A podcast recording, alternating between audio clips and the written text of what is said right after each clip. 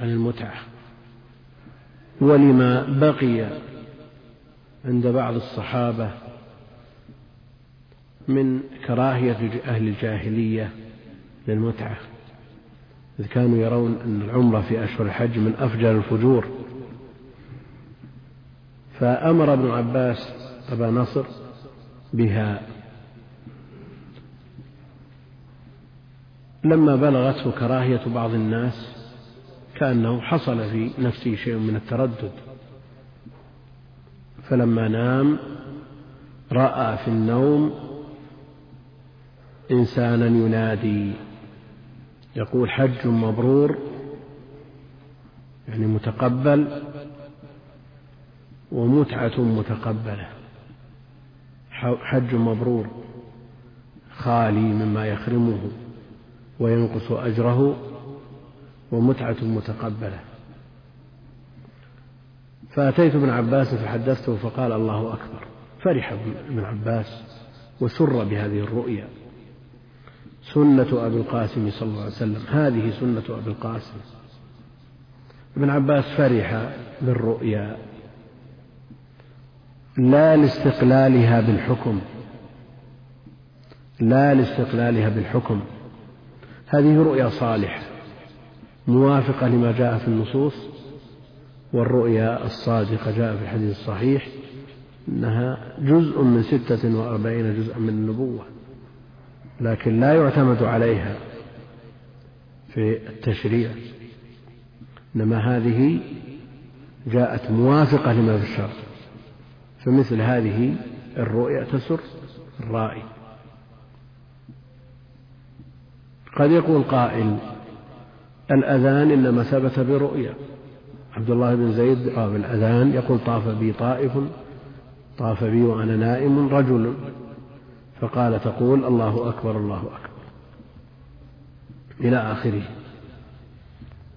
فثبت الأذان بهذه الرؤيا. نقول هذه الرؤيا التي رآها عبد الله بن زيد قصها على النبي عليه الصلاة والسلام فأقرها. فاكتسبت الشرعية من إقراره عليه الصلاة والسلام لا بمجرد الرؤيا فالرؤيا لا يتغير بها حكم ولا يثبت بها حكم. نعم إذا جاءت موافقة لما جاء عن الله ورسوله تسر لكن إذا جاءت مخالفة مهما كان الرأي يضرب بها عرض الحائط. فقال الله أكبر سنة أبي القاسم صلى الله عليه وسلم. إذا قال الصحابي هذه السنة أو السنة أو من السنة أو هذه سنة أبي القاسم فهو مرفوع في حكم المرفوع إلى النبي عليه الصلاة والسلام. فإذا قال الصحابي من السنة كذا من السنة كذا فله حكم الرفع عند جمهور أهل العلم. قول الصحابي من السنة أو نحو أمرنا حكمه الرفع ولو بعد النبي قاله بأعصري على الصحيح وهو قول الأكثرين.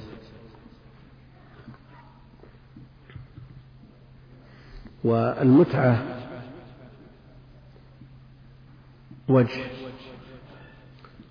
أو أحد الأنساك الثلاثة. التمتع هو الإفراد والقران. المتعة والتمتع عبارة عن الإتيان بالعمرة في أشهر الحج ثم الحج في السنة نفسها. هذا هو التمتع. ويطلق التمتع بمعناه الأعم فيشمل القران. الذي هو الإتيان بالنسكين معا من غير فصل التمتع في فصل فاصل بين الحج والعمرة القران يقرن بينهما ويأتي بأفعالهما متداخلة على ما سيأتي وأما الإفراد فهو الإحرام بالحج وحده.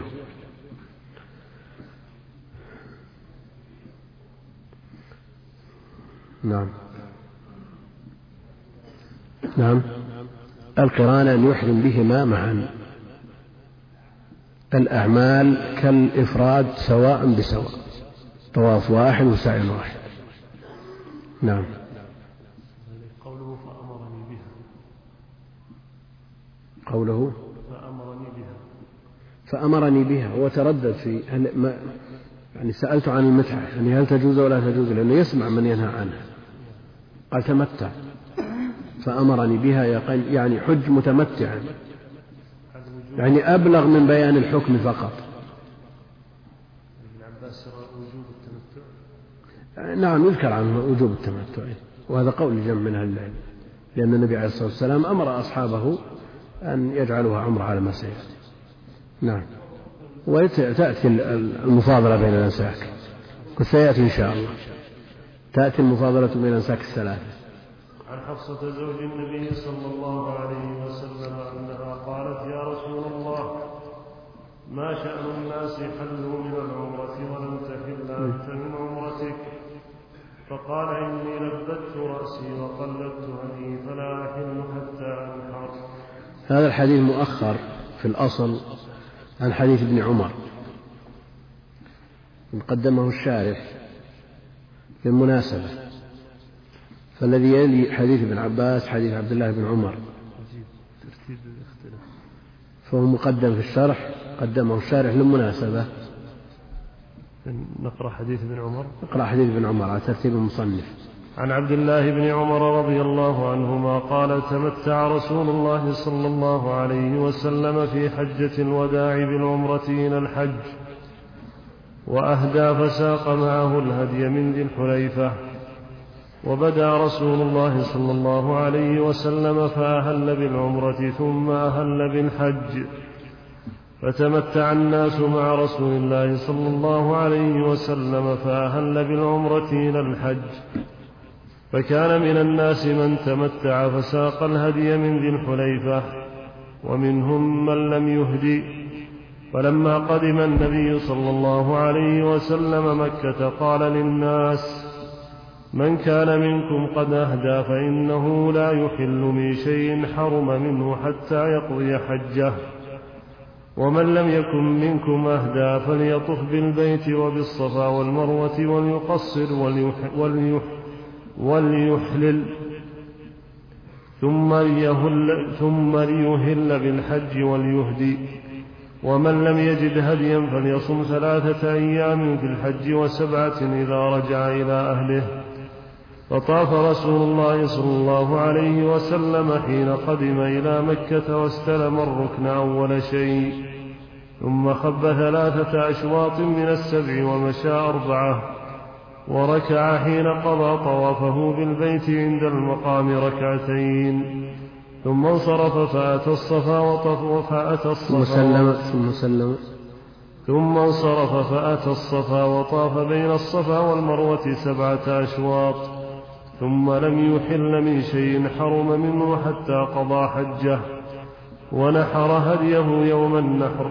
وأفاض فطاف بالبيت ثم حل من كل شيء حرم منه. وفعل مثل ما فعل رسول الله صلى الله عليه وسلم. من أهدى فساق الهدي من الناس. الحديث الثاني حديث عبد الله بن عمر رضي الله عنهما. قال تمتع رسول الله صلى الله عليه وسلم في حجة الوداع بالعمرة إلى الحج. ظاهر كلام عمر أن النبي عليه الصلاة والسلام حج متمتعا والمتبادر إلى الذهن من التمتع المعنى الاصطلاحي وهو الإتيان بالعمرة المستقلة ثم الإتيان بالحج. وقد اختلفت الروايات وجاء عن الصحابة بأسانيد صحيحة أنه تمتع عليه الصلاة والسلام وجاء عنهم أنه حج قارنا وجاء عنهم أنه أفرد الحج. وكلها صحيحة ثابتة عن الصحابة رضوان الله عليهم. ولذا يختلف أهل العلم في أصل الأنساك. أولا كيف يوفق بين هذه النصوص المتعارضة حجة واحدة؟ هل يمكن أن يقال أنه مرة حج قارنا ومرة حج متمتعا ومرة حج مفردا؟ لا يمكن لأنها قضية واحدة. نعم ثبت أنه عليه الصلاة والسلام حج قبل ذلك.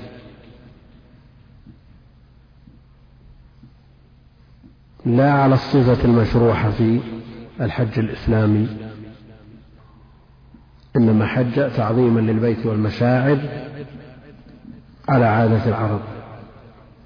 وجاء في الصحيح أن جبير بن مطعم رأى النبي عليه الصلاة والسلام بعرفات وقد أضل بعيره يبحث عن بعير جبير بن مطعم لم يحج. أضل بعيره فوجد النبي عليه الصلاة والسلام قد وقف مع الناس في عرفات. استغرب جبير بن مطعم. كيف يقف وهم من الحمص في عرفات؟ والحمص لا يخرجون عن الحرم وعرفات من الحل. هذه حجة سابقة قبل الأمر بالحج. وقبل فرض الحج. وهذه في الصحيح في البخاري. المقصود الكلام كله في حجة الوداع. الحجة الوحيدة التي حجها النبي عليه الصلاة والسلام. ومثل ما أشرنا ثبت عنه عن الصحابة أن النبي عليه الصلاة والسلام حج متمتعا كما هنا وثبت عنهم أيضا أنه حج قارنا وثبت عنهم أيضا أنه أفرد الحج. والتوفيق بين هذه الروايات كما قال ابن القيم وغيره من قال تمتع فالمراد به التمتع بمعناه العام يعني أنه ترفه بترك أحد السفرين فأتى بالنسكين في سفرة واحدة. ومن قال أنه حج قارنا وهم الأكثر فكلامه طابق الواقع. فقد أتى النبي عليه الصلاة والسلام بالنسكين معا. لم يفصل أحدهما عن الآخر. لماذا؟ لأنه ساق الهدي. فلا يحل حتى يبلغ الهدي محله. على ما سيأتي إن شاء الله تعالى. من قال حج مفردا نظر إلى الصورة. صورة حجه عليه الصلاة والسلام. هي صورة حج المفرد. ولذا القول المرجح عند أهل العلم أن القارن لا يلزمه إلا طواف واحد وسعي واحد كالمفرد. منهم من يقول إنه أهل مفردا في أول الأمر. ثم أتاه الآتي فقال له صل في هذا الوادي المبارك وقل لبيك. إيش؟ نعم. ما يفيد القران. فبهذا تتفق وتأتلف النصوص. يقول ابن عمر رضي الله عنهما تمتع رسول الله صلى الله عليه وسلم في حجة الوداع بالعمرة إلى الحج. فمن تمتع بالعمرة إلى الحج الرسول عليه الصلاة والسلام تمتع بالعمرة إلى الحج. والمراد بالتمتع هنا كالمراد به في الآية. المعنى الأعم للتمتع بحيث يشمل القران مع التمتع. وأهدى أهدى عليه الصلاة والسلام مئة من الإبل. ونحرها بيده نحر منها ثلاثا وستين ووكل الباقي إلى علي بن أبي طالب رضي الله عنه. فساق معه الهدي من ذي الحليفة. ساق معه الهدي من ذي الحليفة. وهذه سنة إن تيسرت. سوق الهدي. وبدأ رسول الله صلى الله عليه وسلم فأهل بالعمرة ثم أهل بالحج. هذه من النصوص التي تدل على أنه عليه الصلاة والسلام حج متمتعا. وهذا رأي ابن عمر. رضي الله عنه وارضاه. فتمتع الناس مع رسول الله صلى الله عليه وسلم فأهل بالعمرة إلى الحج. فأهلوا عندكم؟ فتمتع الناس مع رسول الله صلى الله عليه وسلم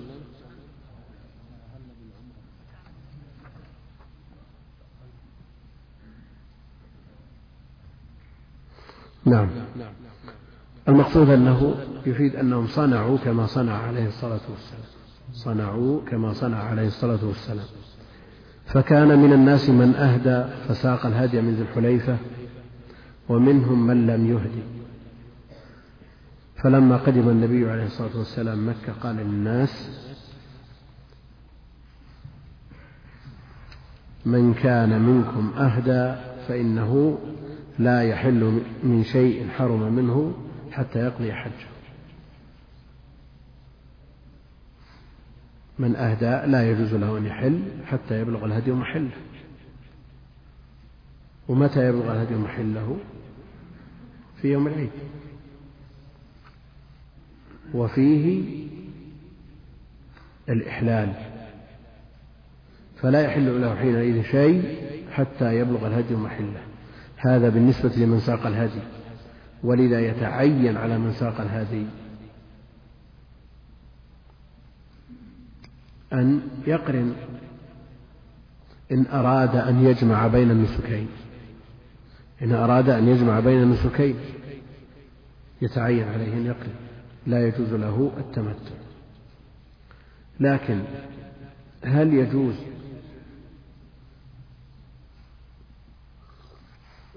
أو هل يمكن أن يتمتع من ساق الهدي؟ هل يتصور؟ يقول أفضل الإمساك التمتع والنبي عليه الصلاة والسلام أمر أصحابه به. والمحظور في سوق التمتع حلق الرأس. يقول أتمتع أحرم بالعمرة ثم أطوف وأسعى للعمرة لكن لا أحلق رأسي حتى يبلغ الهدي محله ثم في يوم التروية أحرم بالحج. وهو باق على إحرامه. ثم يأتي بالحج كاملا. يتصور ولا يتصور؟ نعم.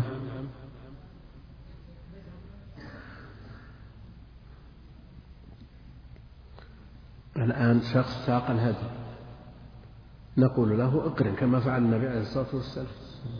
ولا يجوز لك أن تحل حتى يبلغ الهدي محله يقول أريد أن أتمتع لأن التمتع أفضل الأنساك وآتي بجميع ما يفعله المتمتع إلا حلق الرأس اللي هو محظور. ماذا يقال له؟ النبي صلى الله عليه وسلم ما فعل ذلك. نعم. هذا ساق الهادي ما يستطيع أن يحل. لا يستطيع أن يحل. هل نسميه متمتع؟ أو هو قارن شاء أم أبى؟ هو قارن شاء أم أبى. لأن التمتع الاصطلاحي أن يحل بينهما الحل كله. الحل كله. يعود حلالا كما كان قبل دخوله في النسك بحيث يجوز له أن يطأ زوجته بين النسكين. نعم. يقرن بدون سوق هذا هذا يتصور فيما إذا ضاق عليه الوقت. أحرم بالعمرة فلما وصل إلى البيت وجد أن الوقت ما يكفي. يدخل الحج على العمرة فيصير قارن أو امرأة أحرمت بالعمرة ثم حاضت. ولا تتمكن من أدائها إلا بعد فوات الحج. لا ما يمكن. نعم مثل عائشة. على كل حال يأتي هذا في ثنايا الحديث والذي بعده. فلما قدم النبي عليه الصلاة والسلام قال للناس من كان منكم أهدى فإنه لا يحل من شيء حرم منه حتى يقضي حجه. يعني موافقة للآية. ومن لم يكن أهدى فليطف بالبيت وبالصفا وبالمروة. وليقصر وليحلل. هذا قاله بعد الطواف عليه الصلاة والسلام. من لم يكن أهدى فليطف. اللام لام. أمر الأمر. فليطف بالبيت وبالصفا والمروة وليقصر وليحلل. ثم ليهل بالحج. يعني بعد ذلك في يوم التروية ليكون متمتعا. وبهذا يستدل من يقول بوجوب التمتع بالنسبة لمن لم يسق الهدي. لأن اللام لام الأمر. والأصل في الأمر الوجوب. فليحذر الذين يخالفون عن أمره أن تصيبهم فتنة أو يصيبهم. فالأمر للوجوب. لكن الجمهور حملوه على الاستحباب. وأنه ليس بلازم. بل منهم من قال أن الأمر بالإحلال خاص بالصحابة. خاص بالصحابة. ولذا بعض العلماء يرجح غير التمتع عليه. منهم من رجح القران ومنهم من رجح الإفراد.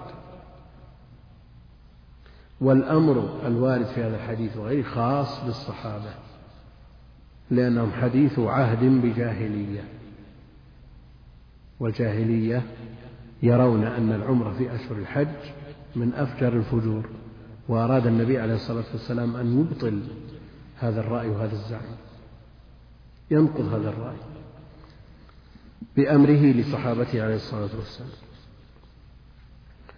ثم ليهل بالحج وليهدي. هذا بالنسبة للتمتع يأتي بعمرة كاملة يحرم بالعمرة.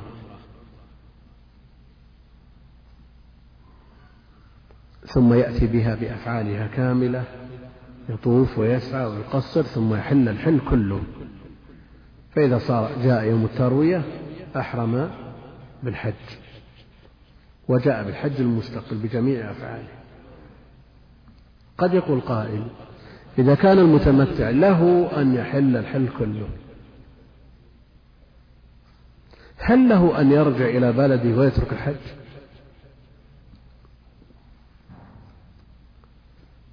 لما جاء إلى أحرم بالعمرة وفي نيته التمتع أحرم بالعمرة فحل الحل كله.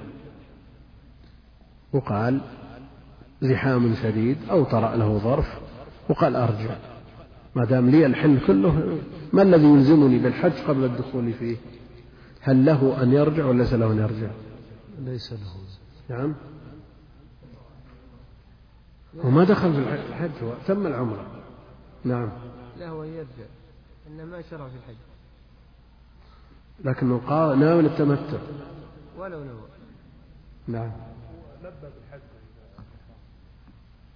ما لبى إلى الآن. ما لبى بالحج يلبي بالحج في اليوم الثامن يوم التروية. افترض أنه جاء في اليوم الأول وأدى العمرة وجلس بيجلس أسبوع بدون عمل.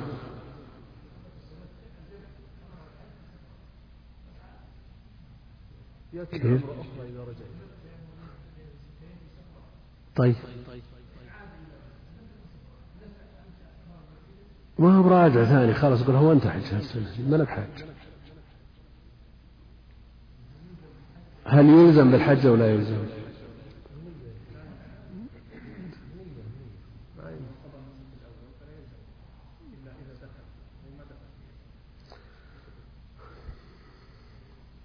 شوفون الأخوان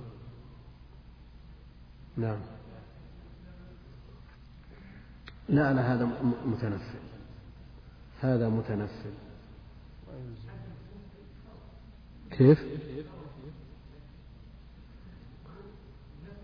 لا هو يقول حجة الإسلام نقول لا أصلها جاي النفل. حاج حجة الإسلام ومعتمر عمرة الإسلام. أدى عمرة التمتع بجميع أفعالها ولبس ثيابه ووطئ زوجته وكانت معه وقال ما الذي يلزمني بالحج ولما بعد دخلت أيوه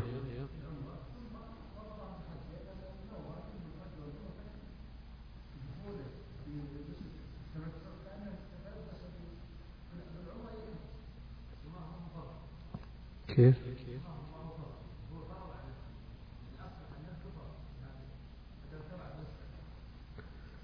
ما الصيغة التي يقولها المتمتع عند إرادته الدخول في العمرة قبل الحج؟ عمرة فقط. ينوي عمرة فقط. ثم يأتي بها بجميع أفعالها ويتحلل الحل كله. الآن ما الذي يلزم بالحج وما دخل؟ ما يلزم. يرجع لبلادهم على علم لكل نسك نية مستقلة. والآن يجوز له أن يرجع. أي نعم نعم يقول صاحب الإنصاف لا يجوز له الرجوع بلا نزاع. نعم. كيف؟ إن المسألة نظرية يجوز له أن يرجع شو المعنى ما دخل في النسك ما الذي يلزمه الحج نفسه نعم. نعم. ما ما لبى بشيء لبى بعمرة وأتى بها. ما قال إلى حج ولا شيء أبدا ما قال متمتعا الحج؟ ما هو بله. إلا هو جاي يعتمر ويحج. والكلام في قوله بلا نزاع هذا الذي يجعل الإنسان يلتزم بهذا الكلام. ولا نظريا نوى العمرة وأتى بها كاملة بجميع أفعالها. ما الذي يلزمه بالحج ولم يدخل فيه؟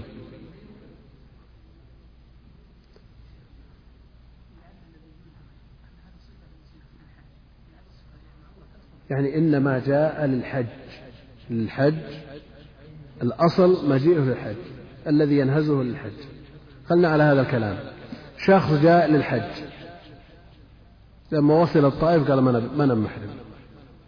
وارجع في أحد يلزمه؟ ما يلزم. يعني عمرة التمتع جزء من الحج. هم يقولون عمرة التمتع جزء من أجزاء الحج. فكأنه دخل في الحج. هذا التوجيه. وإلا نظريا يعني قبل الدخول في النسك شو ما الذي يلزمه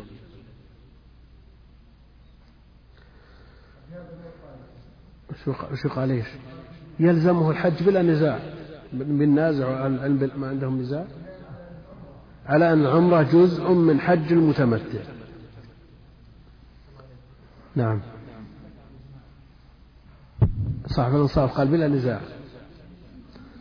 على كل حال ما وقفت على أحد خالف في هذا أبدا. له ذلك نعم. له أن يرجع إلى بلده وبهذا ينقطع التمتع لا يلزمه ذلك إذا رجع إلى بلده. نعم. ينقطع التمتع. سفر جديد الحج وهذا يقوي الكلام النظري. لأنه إذا وصل بلده وقد حج حجة الإسلام. من يوجب عليه حجة, حجة ثانية؟ كل هذه إشكالات تحتاج إلى بحث في إطار عدم النزاع أيضا. ما نبعد نخالف أهل العلم أبدا. نعم؟ لكنها تحتاج إلى إجابة.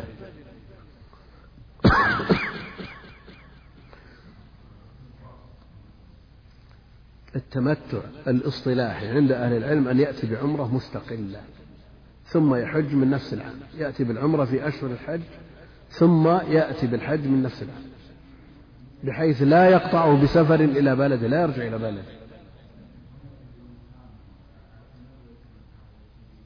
يسمى متى لو جاء في اليوم التاسع وأدى العمرة كاملة وتحلل منها ثم أهل بالحج متمتع.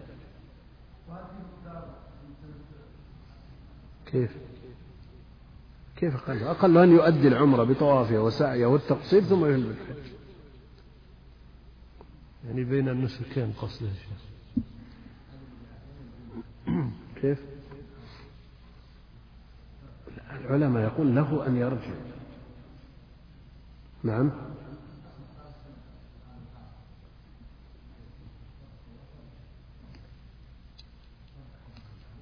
هو الإشكال في عدم النزاع في أنه يلزمه الإهلال بالحج ولا يجوز له الرجوع. هنا تكون يرد على هذا أنه لا رجع إلى بلده يجوز له العلماء الرجوع لكن ينقطع التمتع. يعني حصل له ظرف طارئ حصل مصيبة عند أهله مثلا ورجع إليهم يمنع أحد ما أحد يمنع. يلزمه الرجوع على كلامه عدم يلزمه أن يرجع. الله إليك على كلام صاحب الإنصاف. يبقى وين؟ محرم يعني شلون يبقى؟ لو رجع. حل من العمرة لا لا لا حل الحل كله بين النسكين ما في أحد يلزمه بشيء. بين النسكين يحل الحل كله. نعم. لكن كونه يقول لا نزاع. أن أنه يلزمه الحج في هذه السنة. لأن العمرة جزء من أجزاء الحج الذي جاء من أجله. لكن لو ما رجع إيش يترتب عليه؟ نقول ما الذي يلزمه بحج وقد أدى الفريضة؟ نعم كونه دخل في الحج ملزم أتم الحج والعمرة. لكن المفترض أنه ما دخل في الحج إلا أنه دخل بجزء من أجزائه والعمرة التي ينوي بعدها الحج. لا لا لا هم يلزمون ما, ما استثنوا شيء. ما استثنوا شيء. ما دام دخل بعمرة في نيته التمتع يلزمها أن يهل بالحج من السنة نفسها. ولا كثير هذا يحصل. كثير من الناس لكن بعض الناس يرجع وهو محرم. ما كمل الحج وبعضهم ما كمل العمرة إذا شاف الزحام. فمن باب أولى أنه إذا حل الحل كله يرجع إلى كن بالخيار. الله هل يجوز للمتمتع أن يرجع إلى بلده؟ ما الذي يمنعه السفر ما يمنعه منه. لكنه إذا رجع إلى بلده انقطع التمتع. إي نعم. ينقطع التمتع. إذا كان مريدا للتمتع. على كلامهم ما في مانع الآن الشيخ إذا تمتع. نعم. وأدى العمرة. إذا تمتع وأدى العمرة. يجوز له يقضي شغل في الطائف ويرجع الأسفار لحاجة ما ما فيها إشكال عنده. لكن إن كانت دون مسافة قصر إن كانت دون مسافة قصر التمتع باقي. إذا كانت أكثر مسافة قصر عند الأكثر ينقطع التمتع. يعيد عمرة جديدة والظاهر أنه لا ينقطع التمتع إلا إذا رجع إلى بلده يعني لو طرأ سفر طرأ له سفر للمدينة مثلا نعم. ما زال في إطار الحج وأعماله. والله المستعان.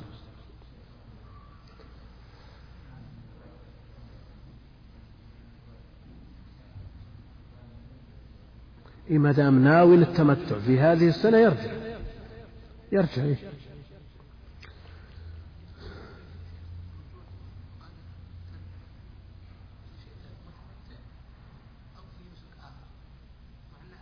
لا هو الآن ما يلزم إلا الحج. الحج اعتمر انتهى أدى العمرة. لا يلزم يقول ثم يهل بالحج يعني في يوم التروية كما فعل النبي عليه الصلاة والسلام كما فعل الصحابة الذين معه بل أمرهم بالإحلال الذين لم يسوقوا الهدي بأمره عليه الصلاة والسلام. فمن لم يجد هديا فليصم ثلاثة أيام في الحج وسبعة إذا رجع إلى أهله. صم ثلاثة أيام والأولى أن تكون قبل عرفة. يعني على هذا يحرم بالحج متى؟ في السادس يصوم السادس والسابع والثامن. إن لم يتمكن من صيامها قبل عرفة يصومها أيام التشريق وأيام التشريق لا يجوز صيامها إلا لمن لم يجد الهدي. ثلاثة أيام ما في ما ذكر الشرط والقيد وإنما هي ثلاثة أيام لكن هي بقدر أيام التشريق يعني فاتته قبل. والثامن ويوم من أيام التشريق يعني ما ما تمكن. يعني في اليوم السادس يرجو أن يجد الهدي. اليوم السابع عنده ظرف أو طارئ أو شيء حاجة حصلت أو يرجو أن يجد هدي مثلا. ما ما غلب على ظنه أنه لن يجد الهدي إلا في اليوم السابع ليلة السابع صام السابع والثامن ويوم من أيام التشريق الأولى أن تكون متوالي هذا الأولى. لكن فرقها لا أرى ما يمنع. نعم.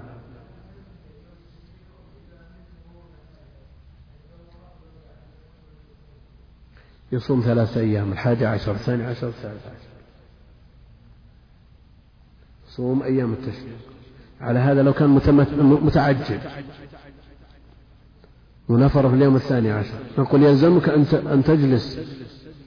تتأخر حتى تصوم الثالث عشر أو لا يلزمه. لأنها في الحج. لأن من وصفها أن تكون في الحج.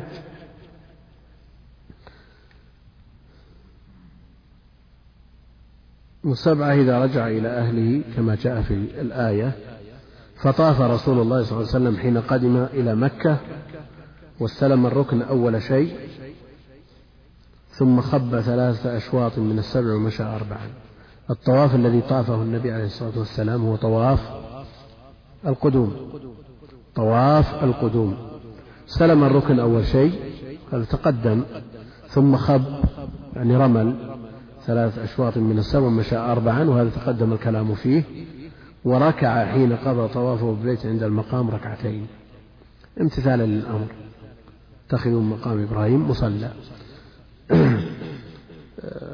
هاتان الركعتان. هما ركعتا الطواف. ما حكمهما؟ الجمهور على أنهما سنة. جمهور أهل العلم على أنهما من السنن. ومن أهل العلم من يوجبهم ومنهم من يفصل. منهم من يفصل. فيقول إن كان الطواف هما تبع للطواف. إن كان الطواف واجبا فهما واجبتان وإلا فسنة. لكن جمهور أهل العلم على أنهما سنة. لو لو لو صلاهما خارج البيت خارج المسجد. خارج المسجد. صلاهما في مكان آخر في منزله في منى في أي جهة من جهات مكة؟ تعتبر قضايا شيخ. كيف؟ صارت خارج المسجد. يجوز ولا ما يجوز؟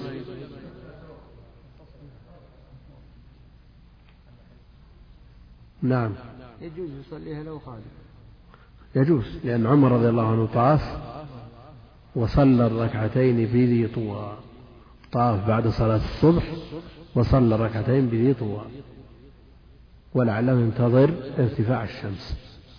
ولذا جعل البخاري هذا الأثر في باب الطواف بعد الصبح وبعد العصر. وكأنه يميل إلى أن هاتان الركعتان لا تصليان في وقت النهي. كيف؟ طواف القدوم فعل النبي عليه الصلاة والسلام.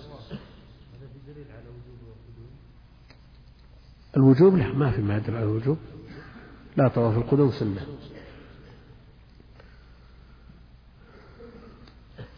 ثم سلم وانصرف فأتى الصفا. فطاف بالصفا والمروة سبعة أشواط. يبدأ بالصفا وينتهي بالمروة.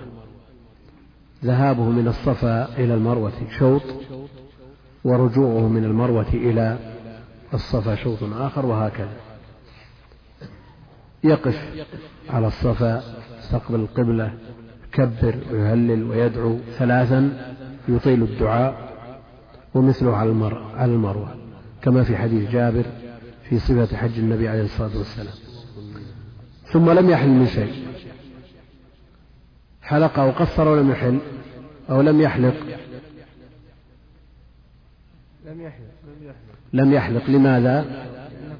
لأنه ساق. الهدي لأنه ساق الهدي ثبت عن معاوية أنه قال قصرت قصرت عن النبي عليه الصلاة والسلام على المروة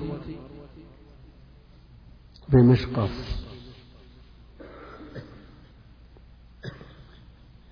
ها. نعم. الإجابة نعم. في إحدى عمره عليه الصلاة والسلام. نعم. في عمرة من العمر ولعلها عمرة القضاء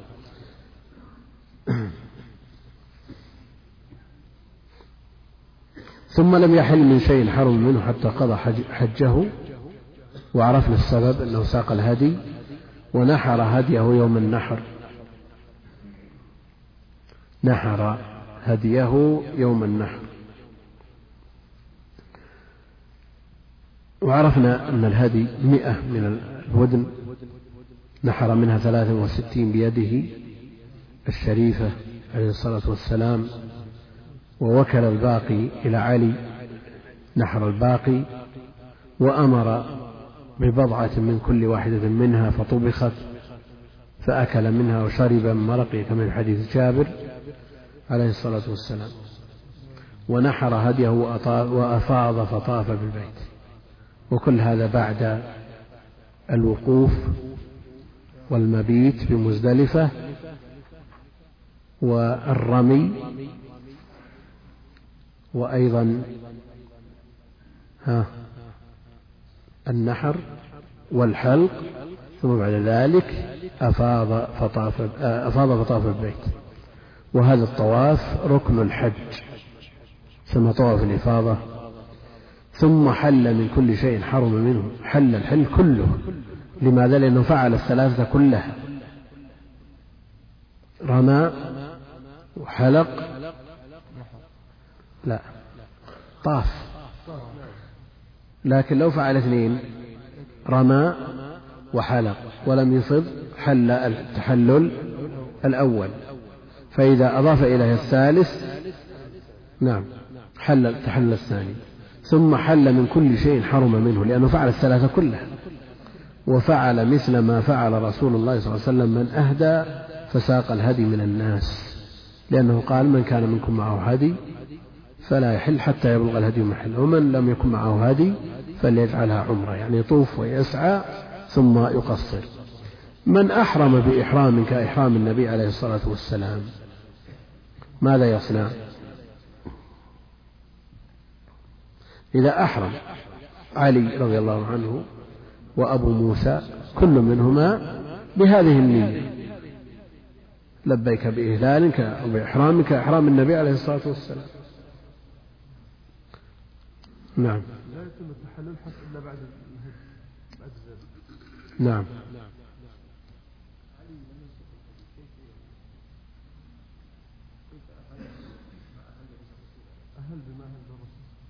أهل بما لماذا لم يسرق يدرك أنه ما سرق جاء من اليمن واليمن ما فيها هدي ولا نعم. علي ما ساق هدي. نعم. كيف؟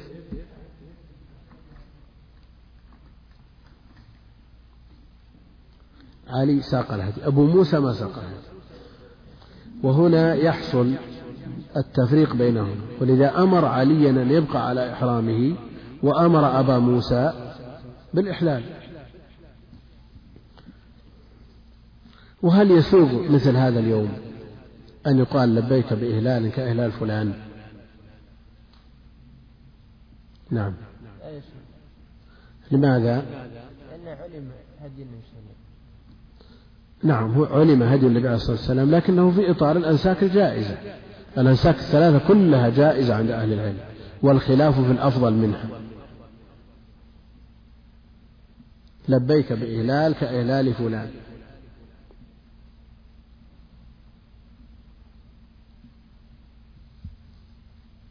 يجوز ولا ما يجوز؟ لا لا من من المعاصرين. هو ما يعرف كيف يحج. فقال إذا لقيت فلان سوي مثل عالم من العلماء يريد أن يقتدي به. كما فعل علي وأبو موسى. أحسن الله إليك. نعم. أقول لو لم يتلفظ بالإهلال. لو لم يتلفظ بأي شيء. أي نعم ولكنها يعني النية في قلبه. يعني معناه أنه تجاوز الإحرام بدون محرم بدون الميقات بدون إحرام. أنا أقصد أنه من باب أولى إذا أهل بإهلال شخص أنه سائغ. لا هو نوى الدخول في النسك من من الميقات. يعني يختلف عن شخص لم يتكلم إطلاقا. هذاك نقول تجاوزت الميقات بدون إحرام. وهذا أهل ولبى بإحرام كإحرام فلان. والاحتمالات كثيرة. احتمال يكون فلان ما حج السنة هذه. احتمال أن يبحث عنه ولا يجده. احتمال أن يجده. أنت أورد هذه الاحتمالات كلها وأجب عنها واحدا بعد الآخر نعم.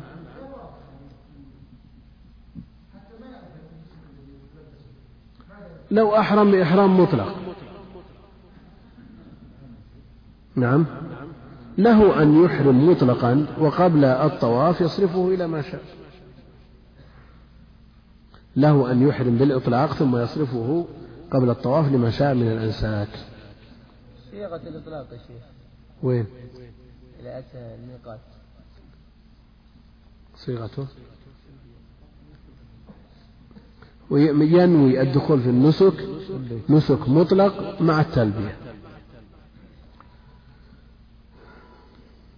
حديث حفصة زوج النبي عليه الصلاة والسلام الذي قدمه الشارح عندكم قبل حديث ابن عمر. يقول عن حفصة زوج النبي صلى الله عليه وسلم أنها قالت يا رسول الله ما شأن الناس حلوا من العمرة؟ ولم تحل أنت من عمرتك. قال إني لبت رأسي وقلدت هدي فلا أحل حتى أنحر.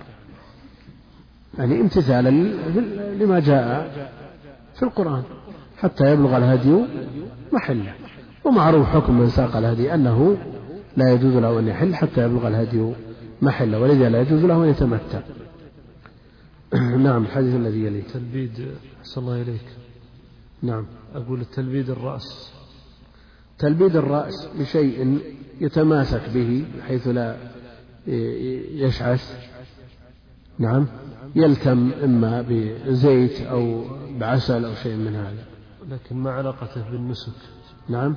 ما علاقته بالنسك.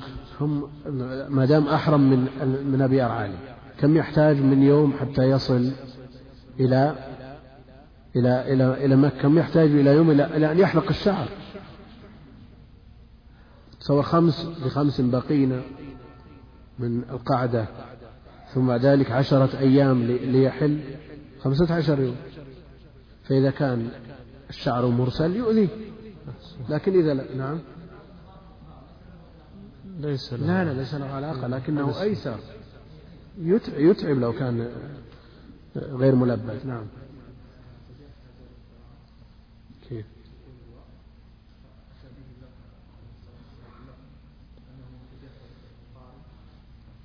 ما يلزم القرآن حتى المفرد حتى المتمتع له أن يلبد إذا كان أيسر له أحفظ لشعره.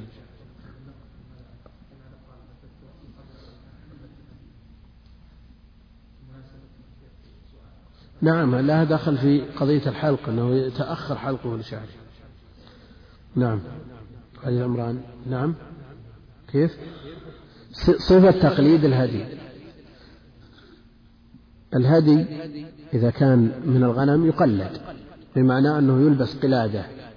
حبل يربط فيه حذاء أو يربط فيه قطعة من جلد أو أو أدنى شيء يشعر بأنه هدي لئلا يتعرض له أحد بسوء. إن كان من الإبل أو البقر يشعر. إيش معنى يشعر؟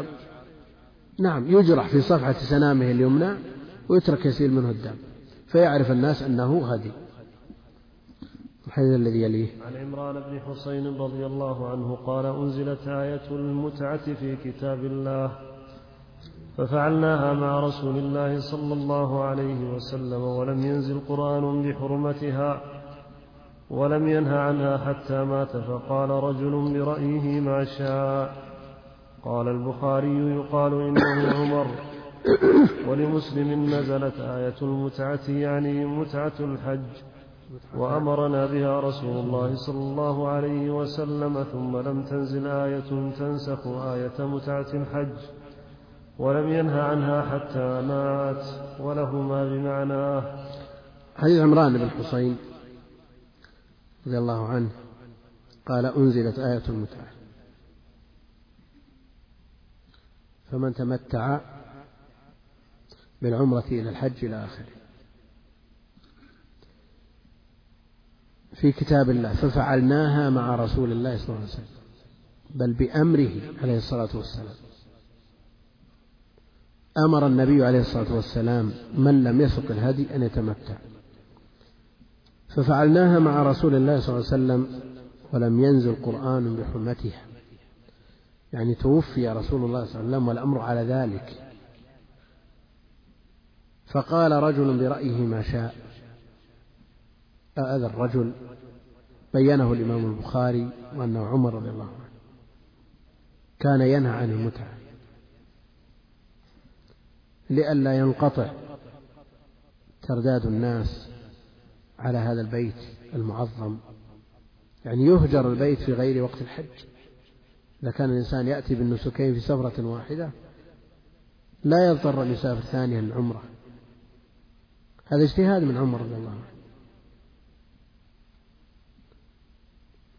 والاجتهاد إذا كان مخالفا للنصوص الصحيحة الثابتة مهما كان قائله. عليكم بسنتي وسنة الخلفاء الراشدين المهديين من بعد اقتدوا بالذين من بعدي متى؟ إذا لم يكن هناك نص. نأخذ بقول أبي بكر وعمر. لكن إذا خفي النص أو اجتهد عمر ورأى أن للاجتهاد مسرح في مثل هذه المسائل؟ ورأى غيره أنه لا اجتهاد مع النص كما هو قول جماهير أهل العلم فالعبرة بالمرفوع ولا يلتفت حينئذ إلى الموقوف. ولو كان قائله عمر رضي الله عنه هذا اجتهاد من عمر ولا عمر ليس بالمعصوم.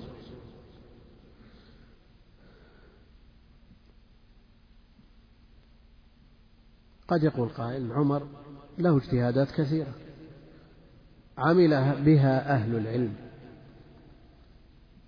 كإمضاء الثلاث في الطلاق. جمهور أهل العلم على قول عمر. مع أن الأمر في عهد النبي عليه الصلاة والسلام وعهد أبي بكر وصدر من خلافة عمر على خلافه.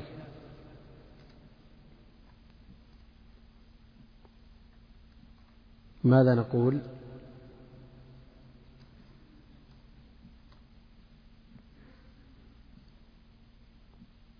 نعم.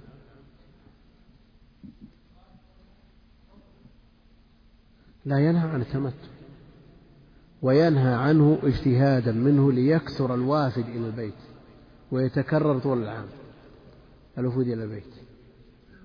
ولذا يقول ابن عباس لما نوقش في هذه المسألة يوشك أن تنزل عليكم حجارة من السماء. أقول قال رسول الله وتقولون قال أبو بكر وعمر؟ نعم. كيف يعارض قول الرسول عليه الصلاة والسلام بقول أبي بكر وعمر؟ وهما هما أبو بكر وعمر اقتدوا بالذين من بعدي. ويأتي من يأتي ممن يزعم أنه حامل راية الدعوة. ولواءها ويقول حديث لن يفلح قوم ولوا أمرهم امرأة. وهو في البخاري. يقول ليس بصحيح. الواقع يشهد بخلافه. طيب ليس بصحيح معارض بقول أبي بكر وعمر؟ لنضرب بقولهما عرض الحائط؟ لا معارض بأي شيء. يقول جولدمائير هزمت العرب. تاتشر قادة الإنجليز. أنديرغاندي قادة الهنود ونجحت وبعدين بمثل هذا تعارض النصوص. نسأل الله السلامة والعافية. ومثله كثير. مثله كثير. نسأل الله السلامة والعافية. لكن لا نقول بقول من يقول والبدعة مرفوضة ولو كانت من عمر. عمر ما ابتدع. هذا يرى أن للاجتهاد فيه مجال وأخطأ في اجتهاده. ويقوله في شأن التراويح. لما قال عمر نعمة البدعة قال بعض الشراح والبدعة مرفوضة ولو كانت من عمر. وقررنا سابقا أنها ليست ببدعة لا لغوية ولا شرعية. والله المستعان. ولمسلم نزلت آية المتعة يعني متعة الحج. وأمرنا بها رسول الله صلى الله عليه وسلم ثم لم ينزل آية تنسخ آية المتعة ولم ينهى عنها حتى مات ولهما بمعناه المقصود. هذا السؤال يقول لماذا لم يذكر المصنف حديث جابر مع أنه أجمع حديث في الحج؟ نعم جابر وصف حجة النبي عليه الصلاة والسلام من خروجه من بيته إلى رجوعه إليه. بأجود سياق. نقول الحديث من أفراد مسلم والمؤلف اشترط أن يكون الحديث مما اتفق عليه. نعم إن احتاج إلى بيان لفظة أو زيادة أو شيء من هذا قد يأتي بما تفرد به أحدهما. لكن لا يأتي بحديث مستقل من أحدهما. شرطه أن يكون الحديث الصحيحين. نعم باب الهادي.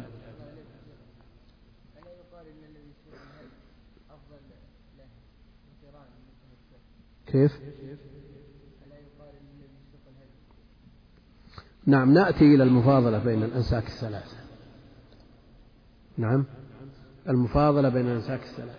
عرفنا أن من أهل العلم من يوجب التمتع لأمر النبي عليه الصلاة والسلام به. ومنهم من يرى أن التمتع مفضول وأن الأمر خاص بالصحابة.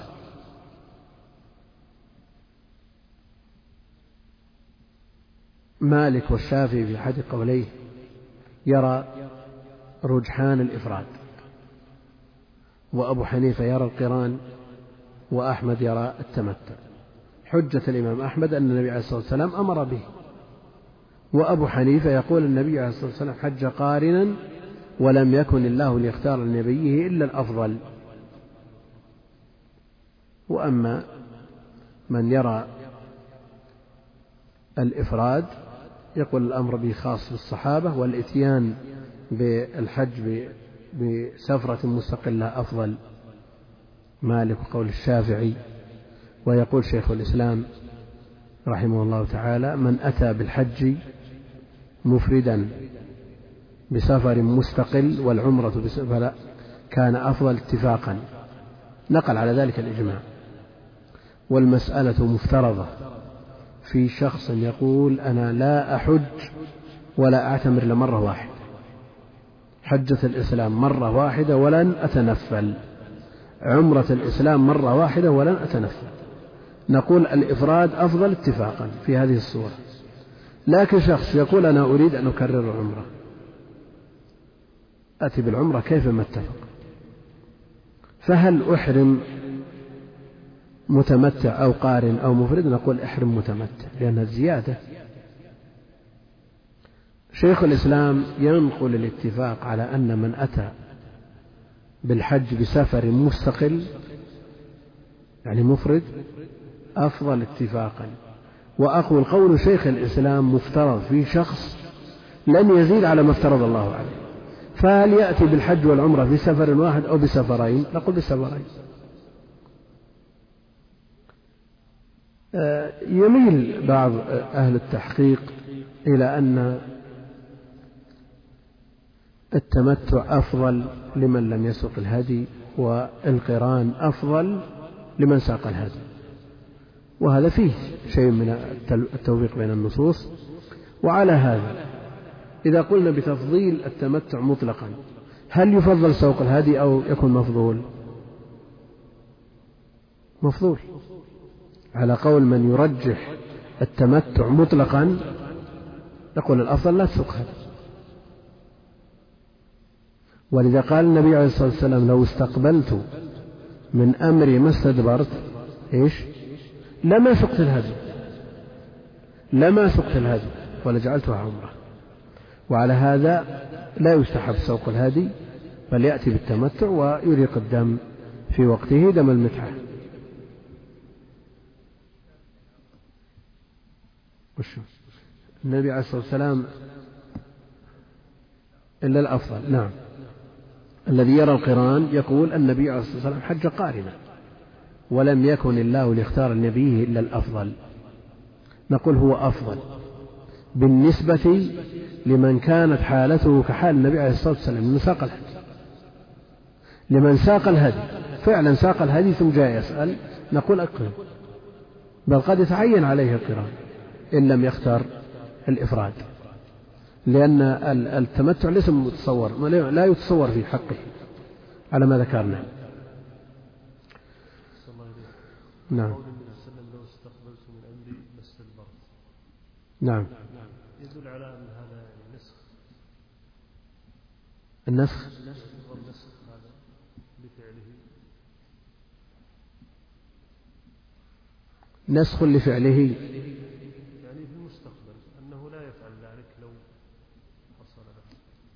هذا يدل على الترجيح على التر... على الرجحان على الرجحان من أهل العلم من يقول أنه قال هذا كلام تطييبا لخاطر أصحابه. أمرهم بأن يحلوا وهو لم يحل يعني هل مبرر المبرر أن يكون مجرد سوق الهدي أو لا بد أن يدعمه بكلام يقويه مثل قوله لو استقبلت من أمري ما استدبرت إلى آخره. يعني مثل في الحديبية لما أمرهم بحلق رؤوسهم ما استجابوا؟ استجابوا معاندة ولا رجاء أن يؤدوا نسك العمرة في هذه السنة؟ طمعا في الخير. طمعا في الخير. لكن لما حلق رأسه عليه الصلاة والسلام حلقوا رؤوسه. ما عاد هناك خيار نعم.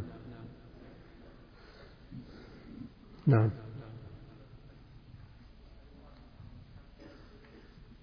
حق من؟ المتمتع المكي يعني سوق هدي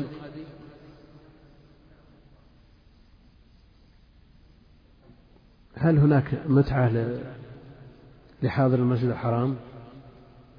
ذلك لمن لم يكن أهله حاضر المسجد الحرام. الضمير يعود إلى إيش؟ ذلك. لا باقي. التمتع أو لزوم الهدي الناشئ عن التمتع. أو أصل الهدي أو أصل التمتع. ذلك لمن لم يكن أهله حاضر المسجد الحرام. ذلك التمتع لمن لم يكن أهله حاضر المسجد الحرام. أو ذلك الهدي وجود لزوم الهدي. الناشئ عن التمتع لمن لم يكن أهله حاضر المسجد الحرام. ولذا يختلف أهل العلم. هل للمكي أن يتمتع؟ وإذا تمتع ليس عليه هدي أو ليس له أن يتمتع أصلا. أو لا يتصور التمتع في حقه.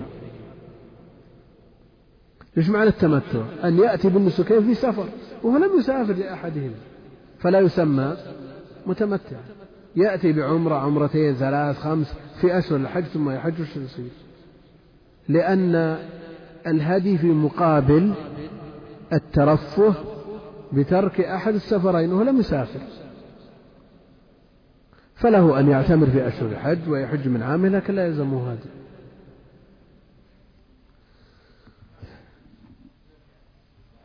نعم. الخلاف في مرجع اسم الإشارة. الخلاف لفظي خلاف لفظي ما يلزم معلش منو؟ أي وش المانع؟ لأن الهدي في مقابل ترك أحد السفرين. هو ما سافر أصلا. نعم. نعم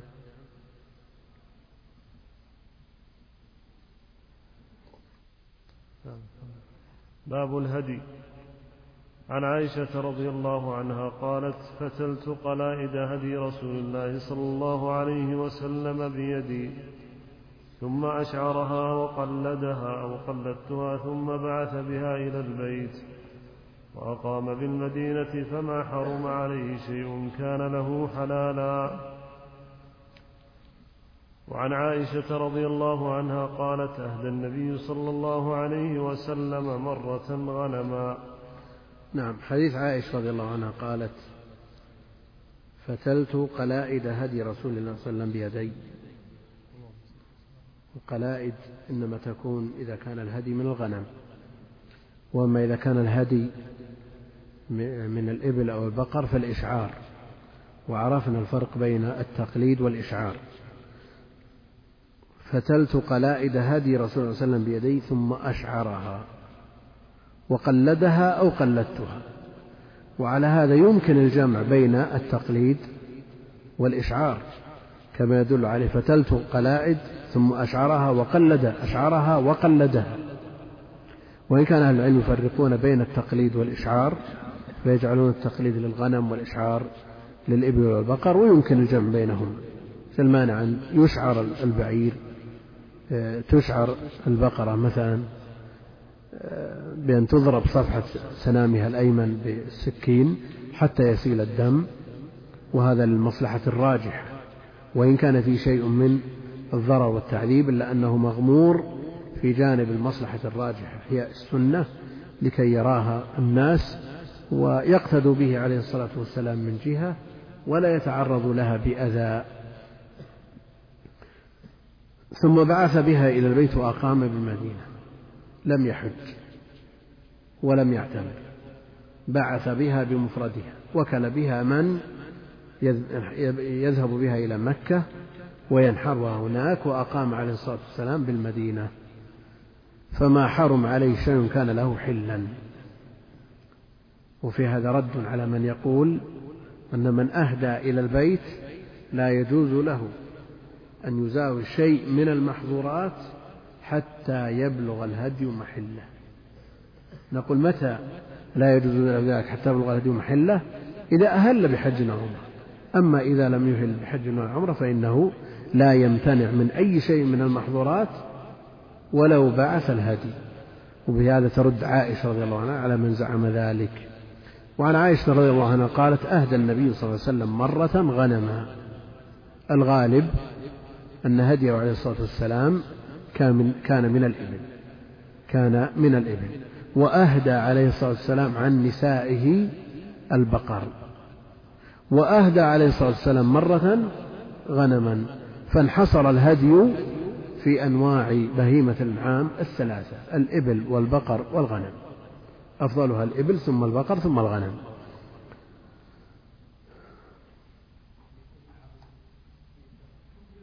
يرسل ترسل من الرياض. هذه وش المعنى؟ القصد أن به التوسعة على فقراء الحرم من المقيمين والوافدين عليه. نعم.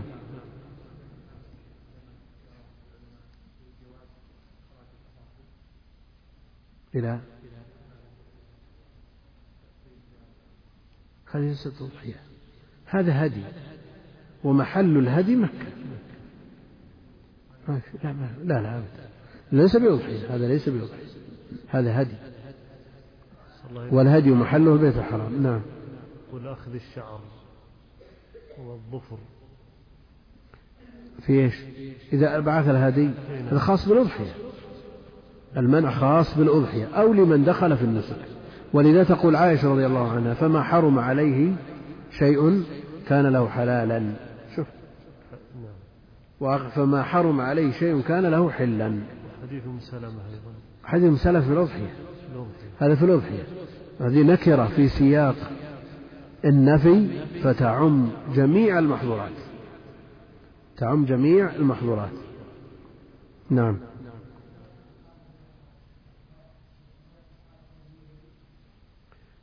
ما يختلف الأمر بيدي أو بيدي سواء كان مفرد مضاف أو جمع أو مثنى ما يفرق لأن المراد إذا قالت بيدي يراد به الجنس جنس اليد فيشمل اليدين المقصود أن سواء كانت بيدي أو بيدي الأمر سهل ما يختلف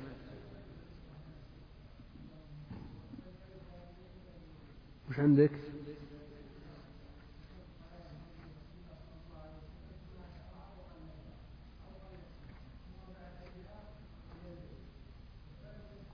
بيدي فتلت قلائد هدي رسول الله صلى الله عليه وسلم بيدي.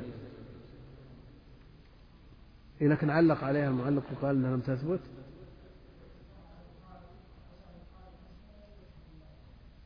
ولا نبه عليها في الحاشية أنها توجد في بعض ها؟ على كل حال موجودة في الطبعات القديمة موجودة.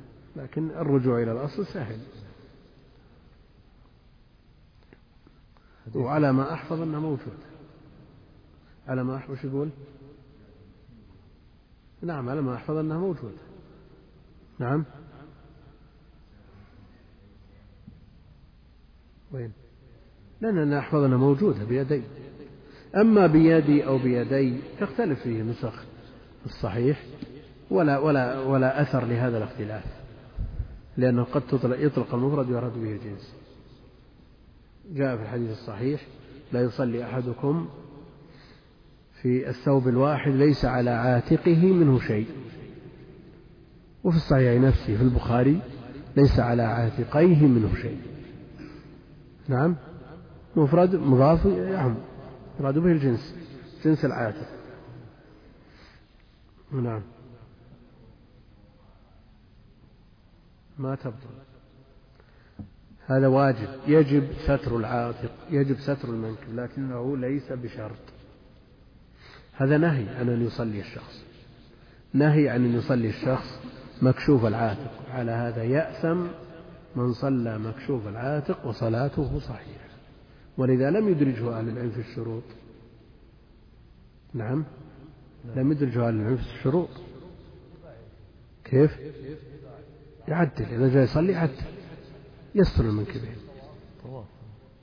في الطواف. لكن إذا جاء الصلاة يستر المنكبين نعم الحديث عن أبي. هريرة رضي الله عنه أن نبي أن نبي الله صلى الله عليه وسلم رأى رجلا يسوق بدنه.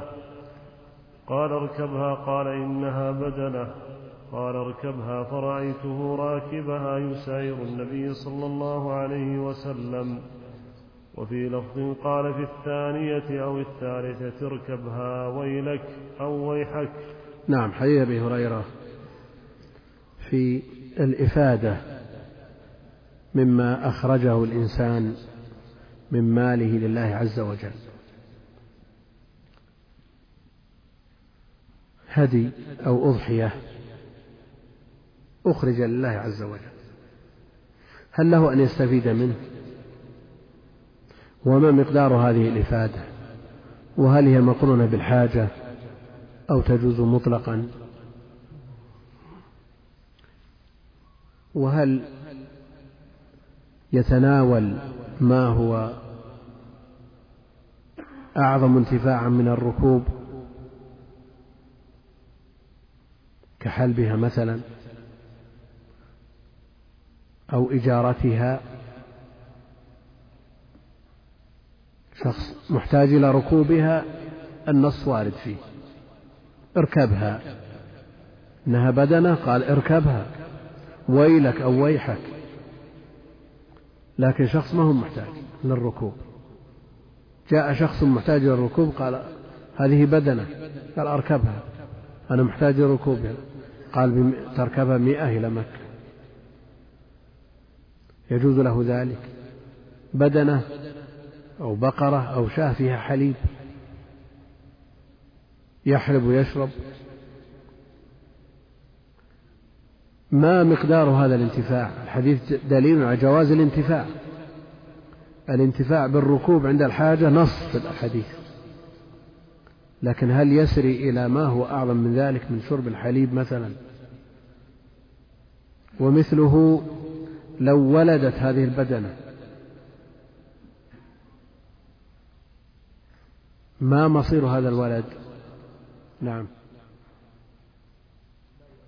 لا يؤجلها بدليل أنه لا يعطي الجزار من أجرته منها. لا يعطي الجزار أجرته منها. أخرجها لله لا يجوز له أن يرجع بشيء منها. ولذا نهي عمر رضي الله عنه أن يشتري الفرس الذي أخرجه لله. يعني لو إنسان تصدق على آخر بصدقة فرأى أن هذه الصدقة لا تناسبه هل يجوز له أن يشتريه منه؟ تصدقت على زيد من الناس بكتاب استلم هذا الكتاب وقال ما شاء الله ذهب إلى البيت وجد عنده نسخة وعرضه للبيع يجوز أن تشتريه ولا ما يجوز؟ ما يجوز أن تشتريه قصة عمر ظاهرة في هذا. لأنك إن اشتريته منه رجعت بشيء من صدقتك. لكن هل له أن يوكل أحدا يشتريه؟ ويكون هذا الوكيل أسوة الزبائن؟ نعم. كيف؟ لا لا المسألة الأخرى اللي يتصدق بكتاب مثلا. فعرضه صاحبه للبيع. احتاج قيمته فعرضه للبيع. قلنا لا يجوز له أن يشتريه مثل ما فعل عمر رضي الله عنه. نهي عن يشتري الفرس. نعم. لأن الوكيل حكم حكم الأصيل. هنا رأى النبي عليه الصلاة والسلام رجلا يسوق بدنة فقال اركبها. قال إنها بدنة. قال اركبها. فرأيته راكبا يساير النبي عليه الصلاة والسلام. اللبن. بدنة فيها لبن. وتتضرر ببقائه فيها. له أن يحلب فإن كان محتاجا إليه فهو كالركوب.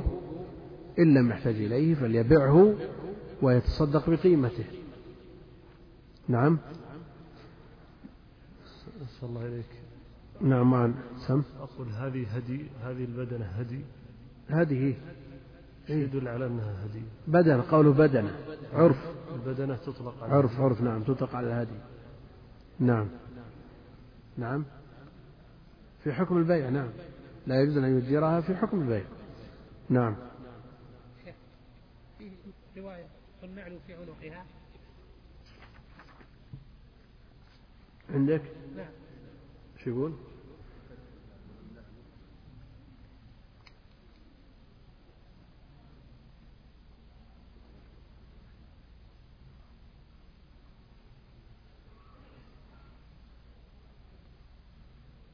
المحقق هذا. لكنه أضافها في الأصل. يعني لا توجد في النسخ أضافها من فتح الباري. له أن يفعل مثل هذا؟ لا هنا وضعها بين قوسين حاشية ما ينفع ما ينفع أبدا. ولو رواه البخاري الكلام على أصل عندك كتاب ألفه صاحب. يجوز أن تزيد عليه. زد في الحاشية ما شئت.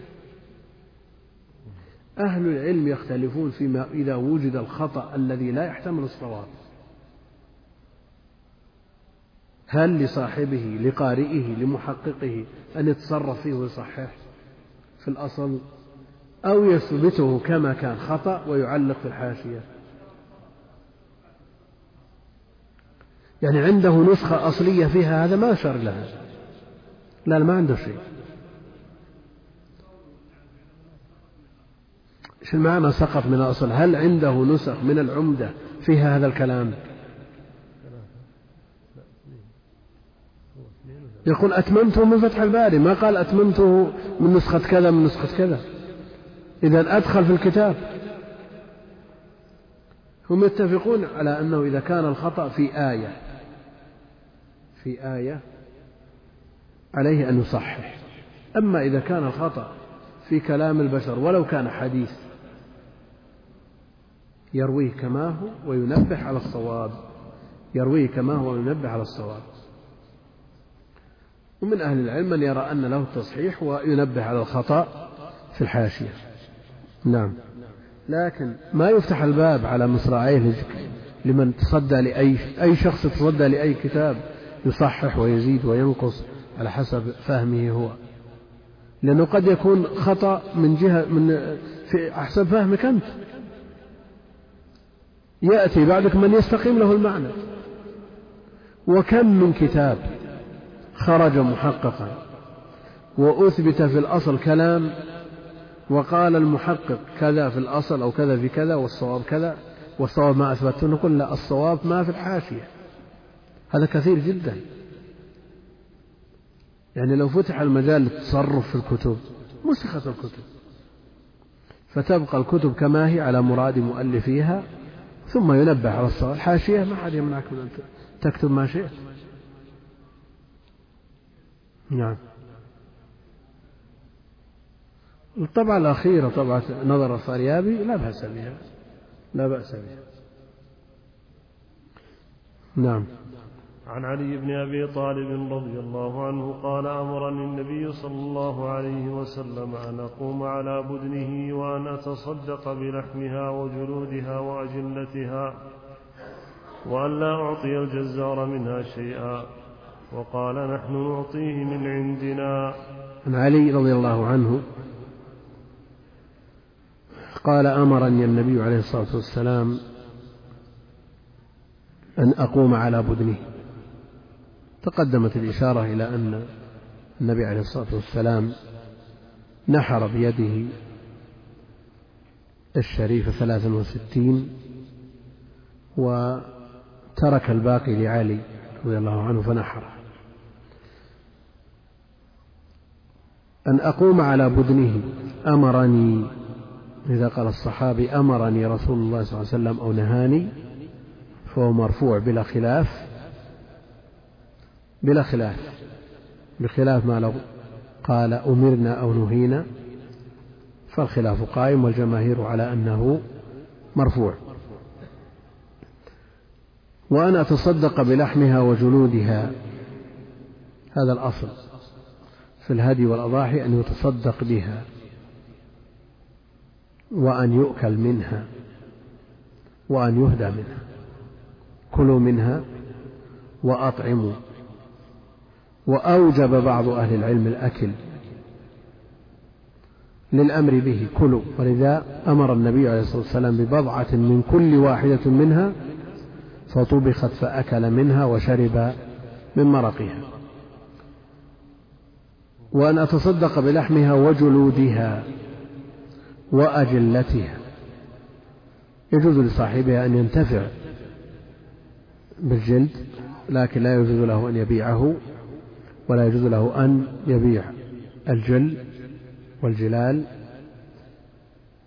والأفضل أن يتصدق به وأن لا أعطي الجزار منها شيئا. هذا إذا كان في مقابل الأجرة لأنه إذا أعطى الجزار في مقابل الأجرة رجع بشيء منها. يكون قد رجع بشيء منها وهو ما يقابل هذه الأجرة. لكن لو اتصف الجزار بوصف من يتصدق عليه بأن كان فقيرا وأعطي الأجرة كاملة وتصدق عليه غير كغيره من الفقراء فلا بأس. الجلال الذي يوضع عليه. نعم كساء يوضع عليه. وأن لو أعطي الجزار منها شيء وقال نحن نعطيه من عنده. الأجرة يجب أن تكون من المؤجر. نعم.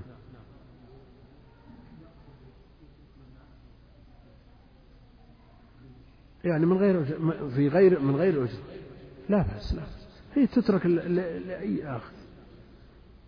الآن والناس يعيشون في رخاء يتركون هذه الأمور يتركون الرأس يتركون الألية يتركون المقادم يتركون أشياء كثيرة. بعضهم يترك ما حواه البطن ويقتصر على اللحم. هذا كل سببه عدم الحاجة إليه. والله المستعان. نعم. عن زياد بن جبير قال رأيت ابن عمر قد أتى على رجل قد أناخ بدنته ينحرها فقال ابعثها قياما مقيدة سنة محمد صلى الله عليه وسلم. السنة بالنسبة للإبل أن تنحر قائمة واقفة معقولة يدها اليسرى. تنحر نحر وموضع النحر في أصل العنق تنحر قائمة اتباعا للسنة المؤيدة بالقرآن فإذا وجبت جنوبها وجبت يعني سقطت وهل تسقط وهي باركة؟ لا تسقط متى؟ إذا كانت قائمة فالسنة في الإبل أن تنحر قائمة. وأما بالنسبة للبقر والغنم تذبح تضجع على جنبها الأيسر يستقبل بها القبلة ثم تذبح ذبحا. لكن لو عكس ذبح الإبل ونحر الغنم والبقر. جاز. لكنه خالف السنة خالف السنة. نعم. لا استقبال القبلة سواء في الذبح أو في النهر كله سنة. كله سنة استقبال القبلة سنة. رأى ابن عمر أو قال زياد بن جبير رأيت ابن عمر قد أتى على رجل قد أناخ بدنته ينحرها. لكن لو افترض أن شخص يشق عليه النحر قال لا أستطيع أن أنحر حتى تكون باركة. نقول له ذلك لأن نحرها باركة لا يعدو أن يكون مكروها والكراهة عند أهل العلم تزول بأدنى حاجة. فقال ابعثها قياما مقيدة. قياما مقيدة يعني معقولة يدها اليسرى وأيضا مقيدة في رجليها في رجليها القيد لئلا تهيج عليه أو تهرب أو تحدث أضرار له أو لغيره. سنة محمد صلى الله عليه وسلم هذه السنة. وعرفنا أن الصحابي إذا قال من السنة كذا فهو مرفوع. من قول الصحابي من السنة أو نحو أمرنا حكمه الرفع ولو بعد النبي قاله بأعصري على الصحيح وهو قول الأكثر. ناخذ سؤال ولا؟ نعم. القيد الرجلين معا أو يد مع رجل. المقصود أنه ما تتمكن من الهرب أو من الأذى. شو؟ اليد اليسرى معقولة. اليد اليسرى معقولة. لكن القيد. لأن بإمكانها أن تهرب بالثلاث. نعم. نعم. حكمه إذا كان نفل. حكمه حكم الأضحية. إذا كان نفل. نعم. يؤكل منه ويتصدق ويهدى. إذا كان نفل أو كان هدي متعة وقران وقران بمعنى أنه هدي شكر وليس بواجب بسبب محظور.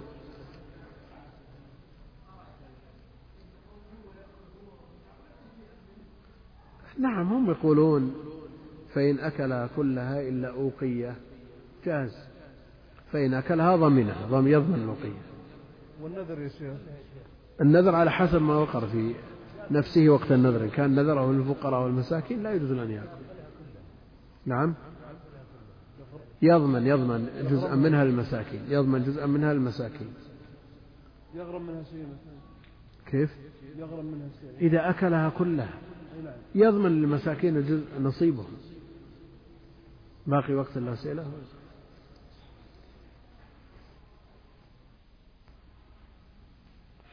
يقول من حج عن غيره يعني متمتع أو قارن ممن يلزمه الهدي ونفذت نفقة الحج التي معه قبل أن يهدي. فمن يصوم ثلاثة أيام في الحج وسبعة إذا رجع؟ الموكل أو الموكل؟ الموكل. الأصل الموكل. هو الذي يصوم. لا سيما إن إن حج بأجرة. على أن الحج لا يتجزأ. من تولى بعضه يتولى الباقي. فمن حج عن غيره يلزمه أن يصوم عنه.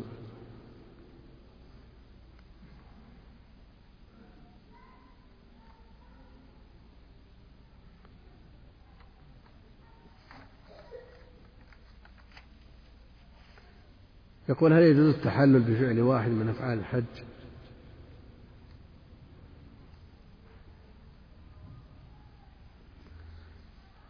هذا عند جمع من أهل العلم ومأخوذ من قول عمر رضي الله عنه أنه يتحلل بواحد لكن جمهور أهل العلم على التحلل باثنين. فإذا رميت وحلقت فقد حللت.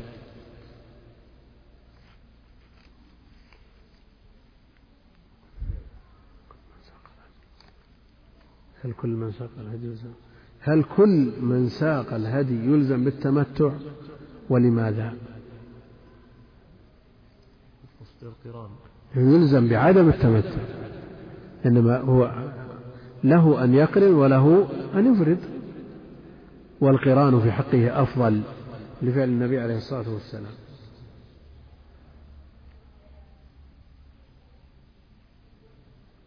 نعم. يمكن. شو المعنى؟ كيف؟ إيه مسنون. ساق هذه معه مسنون. يذبح إذا بلغ محله العيد ولا يحل قبل ذلك. كيف؟ صورة حج القارن والمفرد لا فرق بينهم.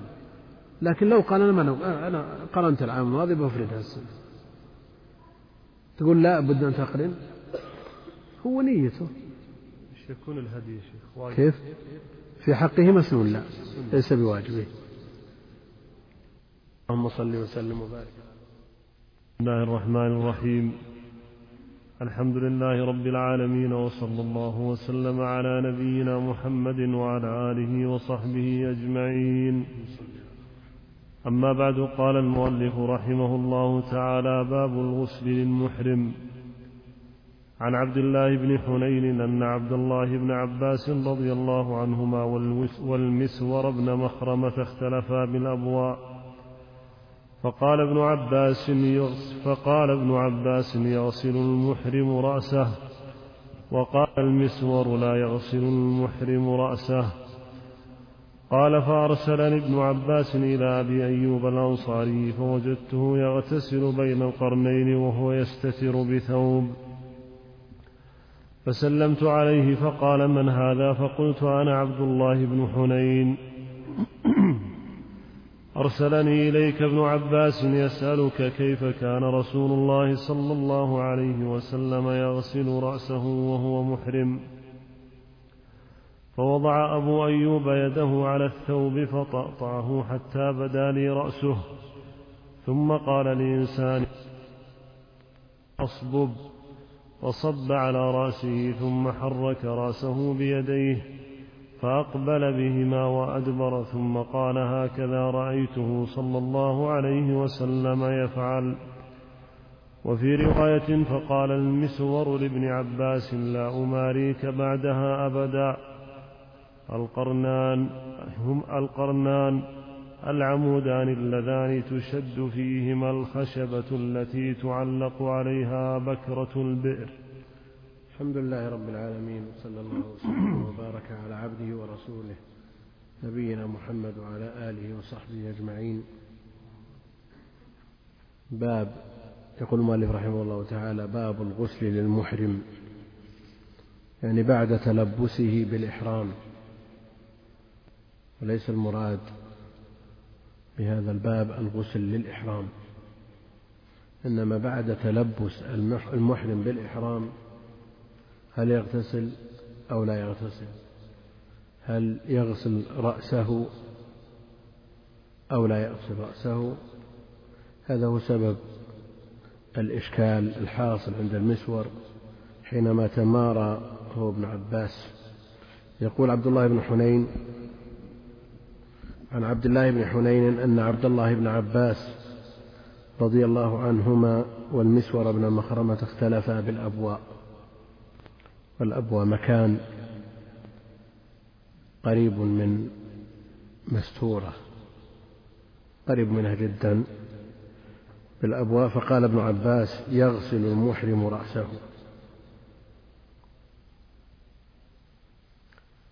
وقال المسور لا يغسل المحرم رأسه.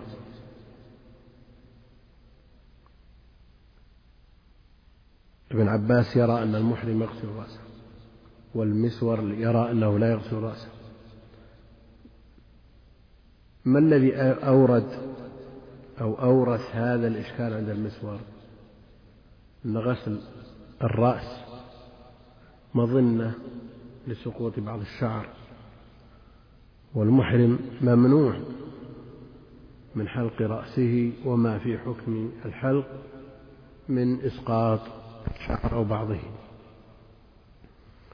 فقال, فقال ابن عباس يغسل المحرم رأسه وقال المسور لا يغسل المحرم رأسه. قال فأرسلني ابن عباس إلى أبي أيوب الأنصاري.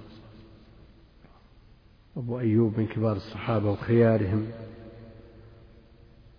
ليكون مرجحا لأن كل من ابن عباس والمسور من الصحابة. يقول فوجدته يقول عبد الله بن حنين فوجدته يغتسل بين القرنين.